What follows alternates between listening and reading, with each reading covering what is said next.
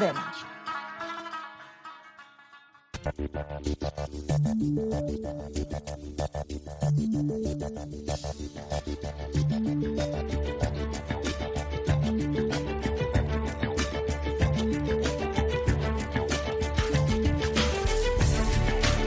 شنوندگان عزیز سلام. شب همه شما بخیر. حفیظ آصفی هستم و خوشحال هستم با تقدیم برنامه گفت شنود با شما هستم.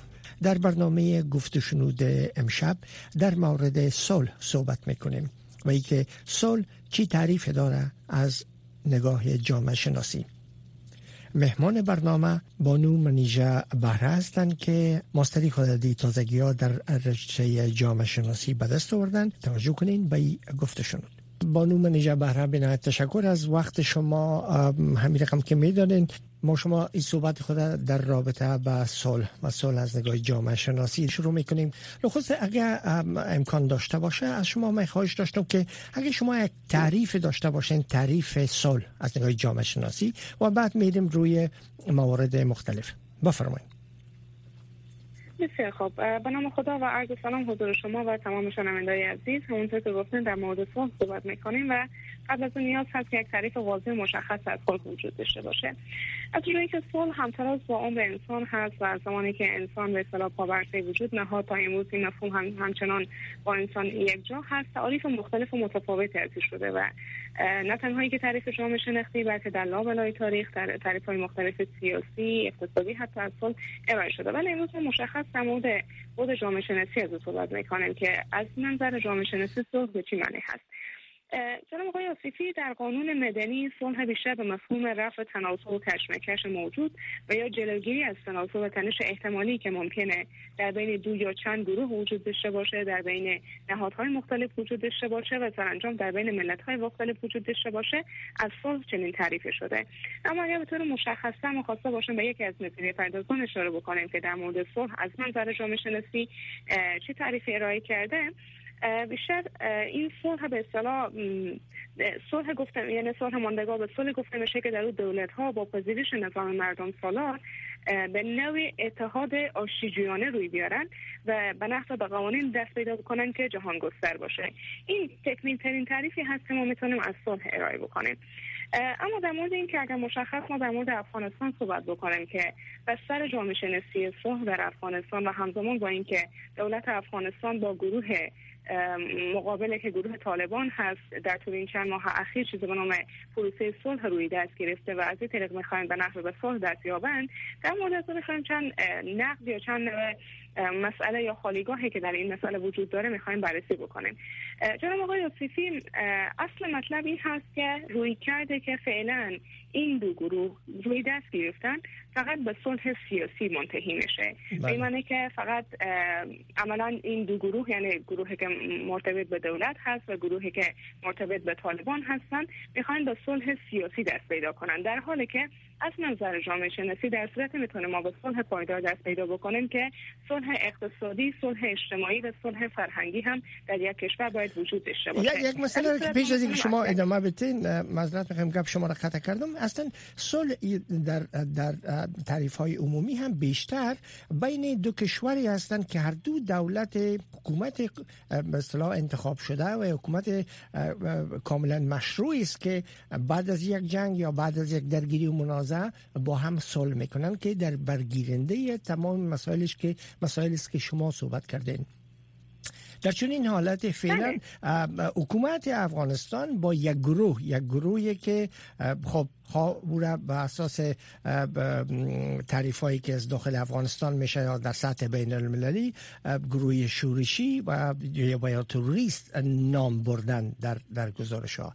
این چی شکل از از صلح می‌تونه باشه؟ برای که یک دولت در برابر است با در برابر یک گروه مشخص قرار می‌گیره. بسیار خوب. جناب آقای سیپی من می‌خوام به چند مقوله اشاره بکنم که خالیگاه های موجود در این روی کرده بیشتر بازتاب میده. اولا که وقتی صحبت از صلح میشه و عملا هر دو گروه دنبال از هستن که به یک وجه مشترک یا پدیده مشترک به نام صلح دست پیدا بکنن منظور از این از صلح چیست؟ صلح پایدار یا صلح موقتی؟ صلح سیاسی هست صلح اقتصادی هست صلح اجتماعی فرهنگی هست. این تعریف واضح مشخص در این مذاکرات به اصطلاح وجود نداره.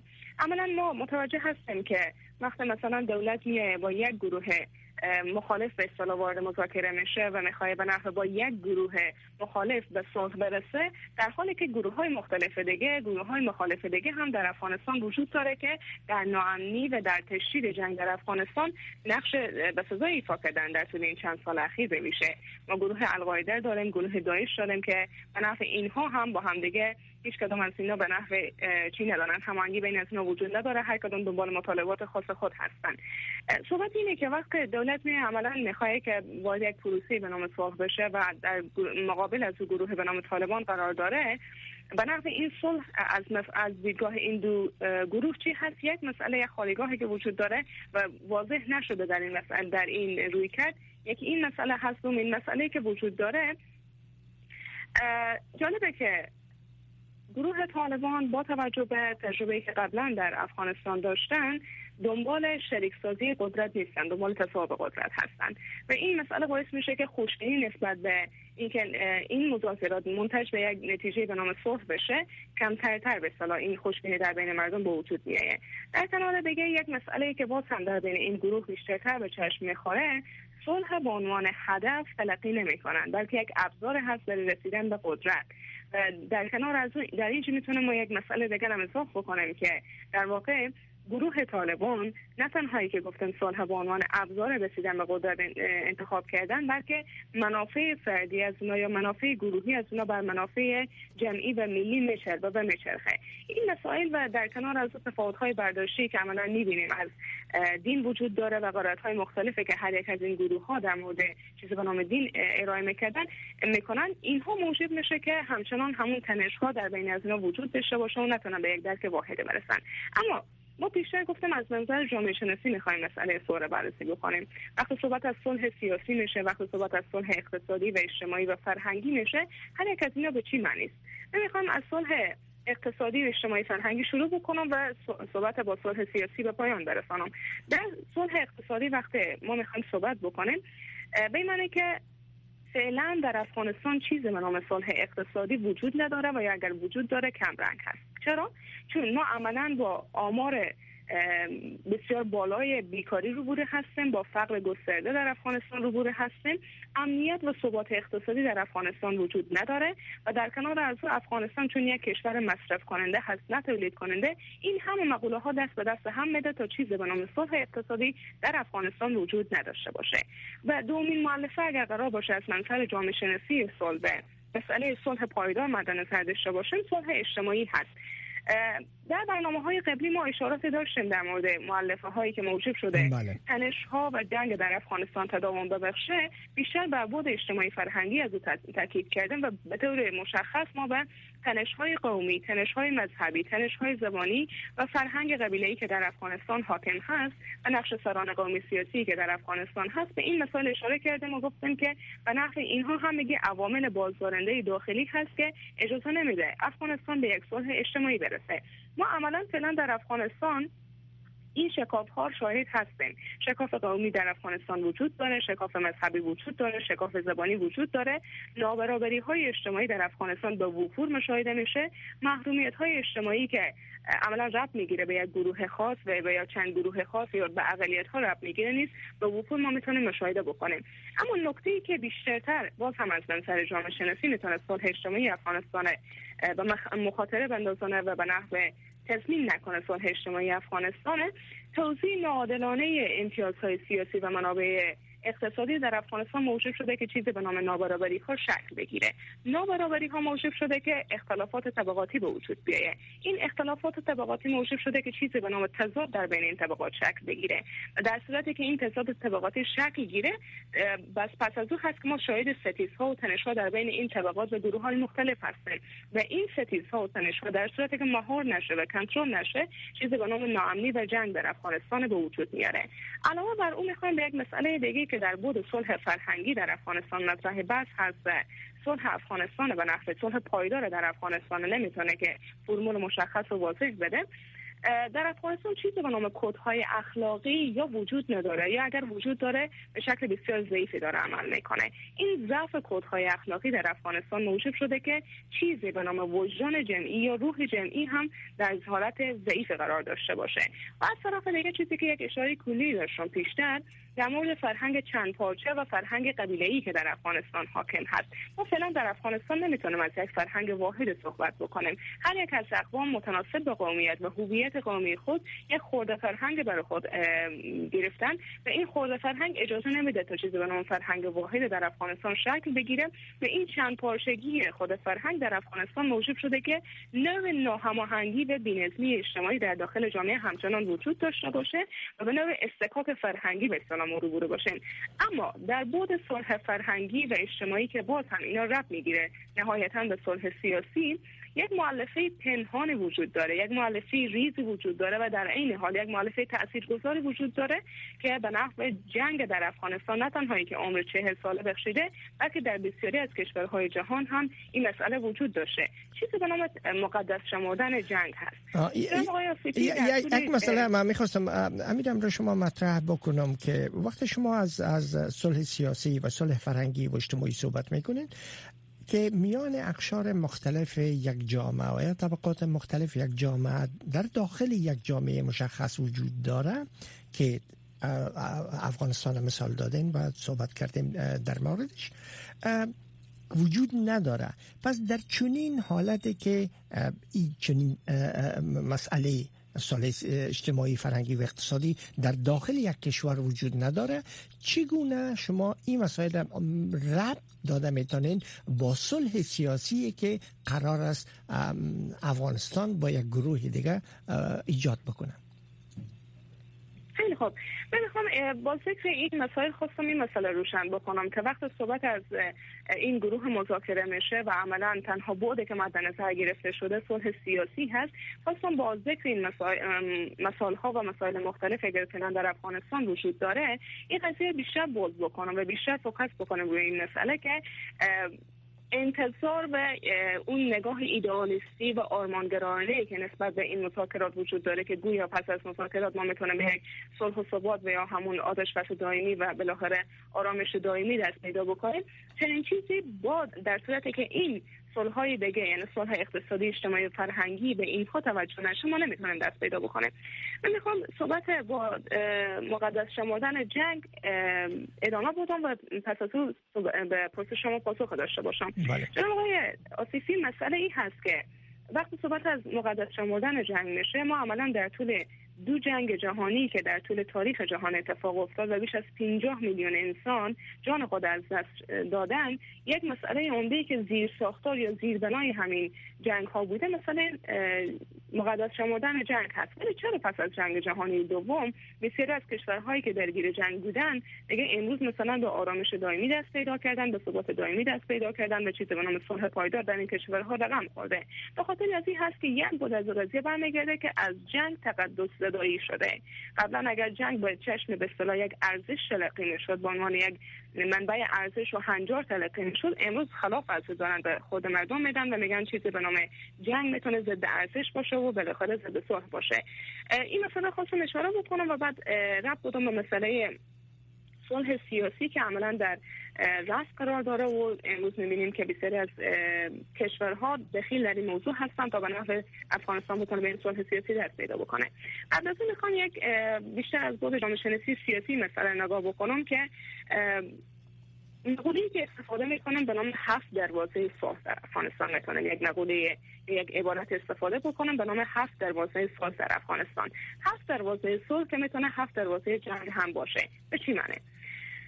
صلح در افغانستان یا صلح در منطقه یا صلح در جهان در گرو سه مرحله هست. اینکه صلح از بالا بر پایین اعمال میشه همونطور که جنگ از بالا بر پایین اعمال میشه به معنی که در سطح جهانی در سطح منطقه‌ای و در سطح ملی باید این ما بررسی بکنیم ریشه از پیدا بکنیم و بعد می‌تونیم به یک درک بهترتر و واسطتر برسیم. افغانستان در سیاست جهانی عملا درگیر جنگ های غیر حضوری دو کشور یا سه کشور یا سه قدرت هست. آمریکا روسیه و چین. رقابت هایی که بین این کشورها موجود وجود داره اونا عملا جنگ در بین کشورها یا قدرت های ضعیف سعی می‌کنن که جنگ نیابتی را بندازونن از طریق به اصطلاح به اون اهداف مطالبات خاص خود دست پیدا بکنن. افغانستان بنابر موقعیت ژئوپلیتیک و ژئواستراتژیکی که داره متاسفانه قربانی این وضعیت شده در سطح جهانی. در سیاست منطقه‌ای اگر مد نظر بگیریم عملا رقابت ها و تنش ها و کشمکش هایی که بین ایران و عربستان و پاکستان و هندوستان وجود داره و اینها هم به عنوان همسایگان افغانستان موجب شده که افغانستان باز هم میدان نبرد این کشورها تلقی باشه و این هفت کشور به طور مشخص که گفتم به عنوان هفت دروازه صلح یا هفت دروازه جنگ می‌تونه تلقی بکنیم عملا در جنگ افغانستان نقش بارز در طول این چند دهه اخیر ایفا کردن و می‌کنن همچنان. و اگر قرار باشه ما در مورد بیشتر در مورد عوامل داخلی صحبت کردیم که صلح اقتصادی اجتماعی فرهنگی به عنوان عوامل داخلی یا بالاخره فرمول های داخلی هست که می‌تونه افغانستان به صلح پایدار برسانه ولی در بود سیاسی ما صلح سیاسی در صورت می‌تونیم در افغانستان تضمین بکنیم که عملا از بالا بر پایین اعمال بشه. به این که اولا به صلح جهانی ما دست پیدا بکنیم به صلح منطقه‌ای در صورت می‌تونه خود به خود صلح سیاسی هم در سطح ملی در افغانستان تضمین بشه. جالبی هست که یک اصطلاح یا یک عبارتی که امروز بسیاری از کارشناسان استفاده می‌کنن این که صلح و جنگ در افغانستان شبیه یک سریال هست که بازیگران بازیگران داخلی داره و کارگردان های از او خارجی هستند. چیزی که بیشتر عنوان کردم در سیاست جهانی و در سیاست منطقه‌ای عملا این هفت کشور هستند که به طور مستقیم در جنگ افغانستان دخیل هستند. حالا به گونه به طور مستقیم به این معنی که اینها جنگ رقم می‌زنن ولی به نفع غیر حضوری و نیابتی با استفاده از گروه های مختلفی که در افغانستان وجود داره.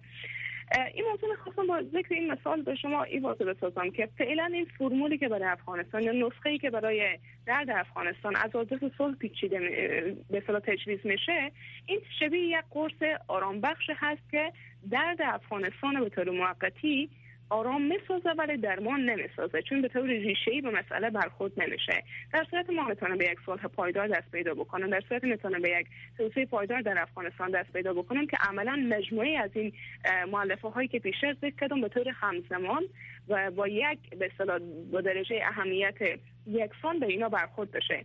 یکی از مسائل یا مشکلاتی که متاسفانه حتی در بین نخبگان ما هم وجود داره این مسئله هست که فکر می‌کنن ما فقط یک فرمول می‌کنیم برای راه حل به اصطلاح صلح در افغانستان ارائه بکنیم. اون همی که به اصطلاح فرمول فقط به اصطلاح صلح سیاسی باشه و چنان خیر. ما در صورت وقتی میایم همون مسائل رو هم کنار هم قرار میدیم و در مورد صحبت می‌کنیم به این معنی که همزمان رو هر یک از اینا باید کار انجام بشه. هم در مورد صلح اقتصادی هم در مورد صلح سیاسی هم در مورد صلح اجتماعی و هم در مورد صلح فرهنگی به طور همزمان با درجه اهمیت یکسان و از اینا باید کارهای انجام بشه تا وقت صحبت از صلح پایدار میشه تا هم از بیرون افغانستان بتونه به اون صلح پایدار دست پیدا بکنه و هم از سیاست بیرونی به اصطلاح بتونه که به اون صلح پایدار دست پیدا بکنه. یک مسئله دیگه من می‌خواستم نظر شما را بگیرم. شما ایش بیشتر اشاره کردین که مثلا در اروپا در نقاط مختلف دنیا وقتی اونا به صلح پایدار رسیدن که تقدس زدایی جنگ صورت بگیره. حال آنکه در افغانستان حکومت افغانستان با گروه قرار است صلح به صلح دست پیدا بکنن که این گروه تا کنون تقدس صدای زدایی جنگ نپذیرفتند. جنگ همچنان بر از به عنوان یک جهاد یا یک, یک جنگ مقدس همچنان وجود داره درست است؟ پس در این صورت آیا چنین صلح امکان پذیر است؟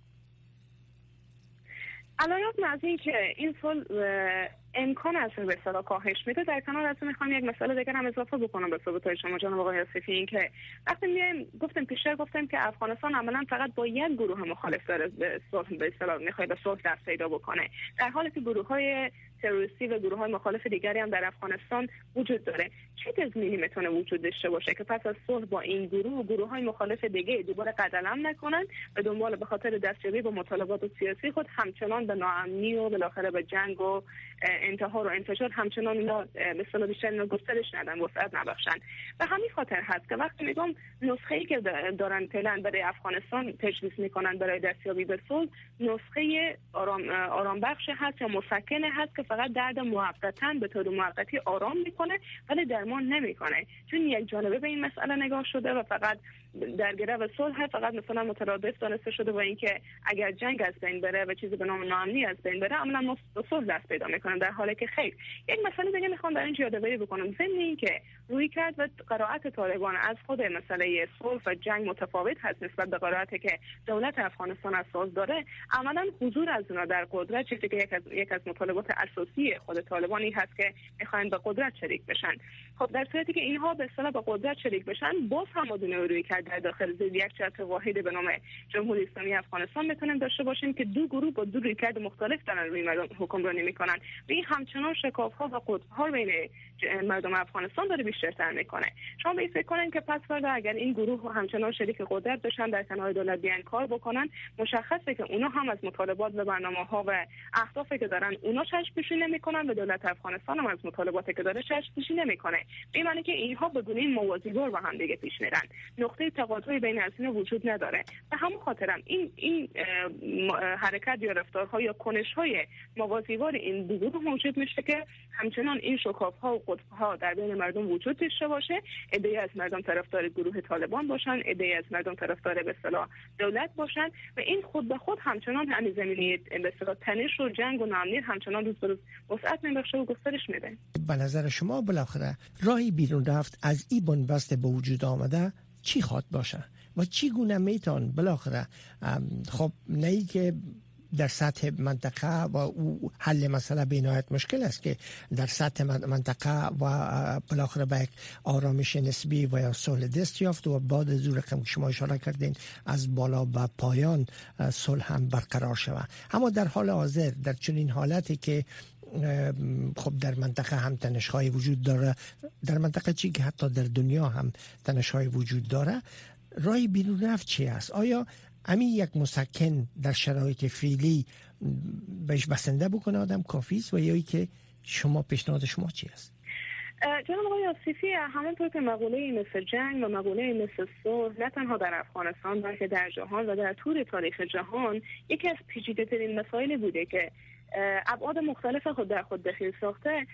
دادن راه حل به اصطلاح بر این مسئله هم دشوار هست و پیچیده هست. یعنی نمی‌تونیم یک نسخه واحد یا یک به اصطلاح راه حل واحد بر این مسئله ما تشخیص بکنیم. اما به گونه کلی من می‌خوام این خدمت ارز بکنم که وقتی صحبت از راه حل یا بالاخره همون یک نسخه آرام بخش مسکنه که ما پیشتر از یاد کرده میشه زمان طولانی یا زمان زیاد مطلب تا بتونه با صلح پایدار دست پیدا بکنه. نیاز هست که اولویت بندی بشه. به قول شما وقتی صحبت از صلح میشه اما صلح موقته که انسان مردم افغانستان دنبال ارزو هستن تا چیزی به نام ناامنی و جنگ در افغانستان خاتمه پیدا بکنه و عملا این گروه به اصطلاح تضمین می‌کنن که این به اصطلاح پس از قدرت رسیدن سونا و شریک شدن در قدرت می‌تونن این مطالبه مردم یا آرمان مردم به اصطلاح تحقق و بخشن. این نسخه کوتاه مدت می‌تونه در کوتاه مدت در یک برهه زمانی و بازه زمانی مشخص کاربردی باشه ولی کوتاه مدت باز هم تاکید می‌کنم. اولین مسئله همین هست که این به اصطلاح این نسخه تشخیص بشه به صورت کوتاه مدت و موقتی تشخیص بشه. پس از اینکه چیزی به نام جنگ در افغانستان کاهش پیدا بکنه چون نابود نمیشه. کاهش پیدا بکنه عملا می‌تونن سراغ نسخه های دیگه برن و یه سری راه های دیگه که چی در بود اقتصادی هست چه در بود مثلا اجتماعی فرهنگی هست عملی بشه. در صورتی که افغانستان بتونه به یک ثبات درونی دست پیدا بکنه و چیزی به نام به اصطلاح نظم سیاسی در افغانستان برقرار باشه نظم اجتماعی برقرار باشه اصطلاح عدالت اجتماعی فرهنگی در افغانستان برقرار قرار باشه در صورتی که همین ثبات درونی در افغانستان یا صلح درونی در افغانستان تضمین بشه پس از می‌تونن که در سطح منطقه به اصطلاح به چی کنن روی کرده صلح یا همو روایت های صلح روی دست بگیرن و پس از اون هم در سطح جهان هست. البته به این معنی نیست که ما بگیم فقط از این طریق ما می‌تونیم به صلح دست پیدا کنیم. خیلی این به عنوان یکی از راه ها هست. راه حل دیگه این هست که گفتم طولانی مدت هست ممکن که ده ها چی حتی صده ها هم در بر بگیره ممکن صدها سال طول بکشه این مسئله ای که وقتی میگم از بالا و پایین به این معنی که روی کرد یا همون جا باید در سطح جهان تغییر بکنه و اساسی که مشخص در سطح جهان تغییر بکنه تاثیرگذار هست روی منطقه روی منطقه تغییر می‌کنه و پس از هست که در سطح ملی مثل افغانستان هم می‌تونه به اصطلاح تاثیرگذار باشه. اینها به عنوان راه های کلی هست و راه هایی که به اصطلاح تا حد آرمانگرایانه به حساب میایه اما در بود داخلی من بیشتر تاکید دارم اینکه گفتم اگر این تنش هایی که در بین سیاسیون وجود داره و امروز مخالفت هایی که نه تنهایی که دولت افغانستان با گروه طالبان دارد حتی در بین خود حلقه های مختلفی که در دولت افغانستان کار می‌کنن هم تنش ها و شکاف های وجود داره. در صورتی که اونا بتونن به یک نظم برسن و به یک هماهنگی برسن و به یک تعریف واحد به اصطلاح برسن در این صورت ما می‌تونیم به صلح به اصطلاح سیاسی برسن در بین خودخوا. این هم می‌تونه تاثیرگذار باشه در بود داخلی و در کنار از ما چیزهایی که مسائلی که بیشتر عنوان کرده مثلا تنش های قومی که وجود داره زبانی و مذهبی در صورتی که اینا حل بشه می‌تونه صلح در افغانستان تضمین بکنه. تنها البته تنها نمیشه گفت یکی از قوی ترین ابزاری که می‌تونه حلقه ارتباط بین ملت و دولت بشه و بین به اصطلاح دولت و به داخل گروه های مختلف دیگه بشه رسانه ها هست. در نقش رسانه ها ما می‌تونیم کاملا وارث بدانیم به عنوان یک از ابزار قدرتمندی که می‌تونه روی افکار عامه تاثیرگذار باشه روی نظم سیاسی تاثیرگذار باشه و به طریق می‌تونه حداقل اگر صلح برقرار نسازه حداقل ذهنها رو آماده بسازه و زمینه سازی بکنه برای اینکه چیز به نام در افغانستان پذیرفته بشه. و راحل های نیستر یا خودتر چندان خوشبین نیستم که ما بیایم مثلا یک سری تغییرات به اصطلاح بنیادی یا ساختاری فعلا انجام بدیم. چون گفتم اولویت این هست که چیز به نام جنگ قطع بشه. این مطالبه همه مردم افغانستان هست. فعلا اگر همین تمون ارائه بشه جنگ ختم بشه پس از اون می‌تونه ما به راحل های ساختاری و اساسی دیگه ای که می‌تونه زیربناها تغییر بده و زیر ساختارها عوض بکنه هم به اونا هم دست پیدا بکنه. به تشکر بانو منیژه بهره از وقت شما و از معلومات شما در رابطه. وقت خوش داشته باشین. خواهش می‌کنم. چی رقم از گسترش کرونا ویروس که یک بیماری بسیار جدی است جلوگیری کنیم؟ بسیار سوال مهم. شستن مرتب دستا با صابون برای 20 ثانیه و یا همراه مایات که الکل داشته باشه. و بینی دان و چشما باید هیچ دست زدن نشه. وقتی شما میگین که شستن مرتب دستا منظورتون چیست؟ دستا باید همیشه بعد از سلفا و یا عدسه زدن پس از تماس و یا پراسری از کسی که مریض است پیش از جور کردن و یا خوردن غذا بعد از تشناب رفتن و بعد از دست زدن به حیوانات یا انتقال زباله ها و کثافات باید شسته شود خب به ترتیب رقمی که شما گفتین دست یک وسیله انتقال ویروس است. ما هر روز در خانه و بیرون خانه با مردم دست میتیم موضوع مهم را شما یاد کردین. از دست دادن دست بوسی و بغل کشی با دیگرها پریز بکنین. و از کسانی که سلفا و یا عدسه می‌زنن کم از کم یک متر فاصله بگیرین تا ویروس با هوای تنفس اونا به بدن خود انتقال نتین. پس در این صورت بهتر است که آدم همیشه ماسک بپوشه. راستی یک کپ بسیار مهمه دیگه. باید در جاهای آمد تف نکنیم و وقت سلفا و عدسه زدن دهان و بینی خود با دستمال یا آستین پد کنیم. مسئله مهم دیگه ایست که در صورت داشتن تاو، سلفا و مشکل تنفسی فورا پیش دکتر بریم. آرزو دارم که مردم جامعه ما این مسئله کرونا که برآمد مسئله را زیاد جدی بگیرن مخصوصا پیامایی که از وزارت صحت عامه میآین و جدی بگیرن و مردم درک بکنن که یگانه راهی که ما می‌تونیم خود دور نگاه کنیم از مبتلا شدن به این مریضی نیست که برای یک چند وقت حداقل تا چند هفته دیگه در خانه خود بشینیم. بجنگیم برای ویروس خطرناک.